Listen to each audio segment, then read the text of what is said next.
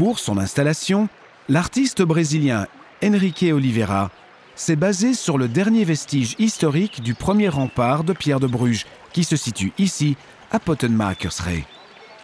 C'est à la fin du XIVe siècle qu'apparaît pour la première fois le nom de Pottenmakerstraat, probablement en hommage au potier qui s'y était établi ou au potier qui fabriquait des pots en étain.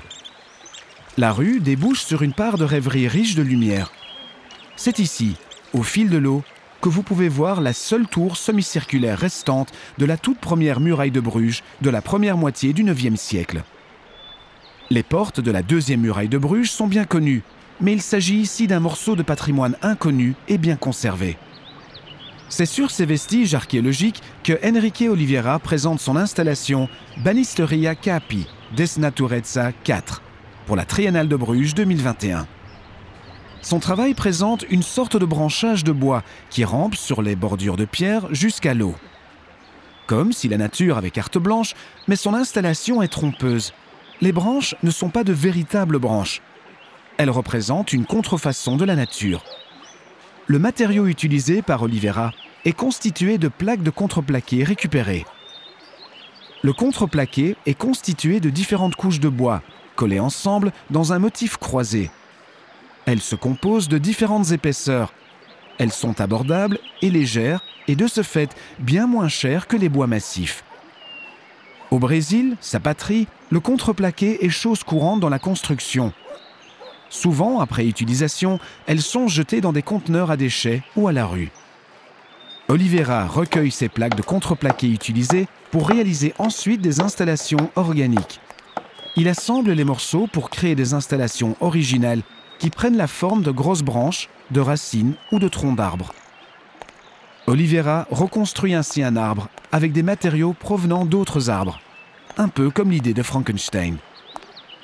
L'installation d'Oliveira semble si réelle que la composition de branches semble provenir des arbres qui se trouvent derrière, dans le jardin clos. On dirait de véritables arbres abattus dont les racines jaillissent du sol, L'installation rappelle la végétation naturelle que l'on retrouve souvent sur les vestiges archéologiques.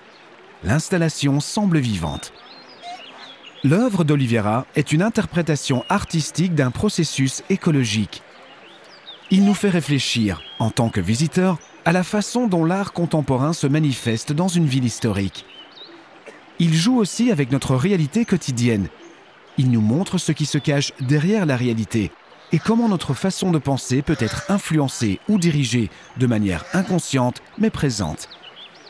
Il veut bousculer notre routine en installant un élément inconnu dans un environnement familier. Normalement, Oliveira travaille toujours directement sur site et sans aucun apport de métal, car il rend ses installations plus durables. Mais, comme le Pottenmakersrey est un patrimoine protégé, un support métallique a été fourni entre son travail et le mur environnement pour protéger le mur. Enrique Oliveira a commencé sa carrière artistique en tant que peintre, mais depuis 2005, il est surtout connu pour ses vastes installations tridimensionnelles sur site. Oliveira utilise des tapumes, ce qui, en portugais, signifie clôture, comme titre pour nombreuses de ses installations à grande échelle.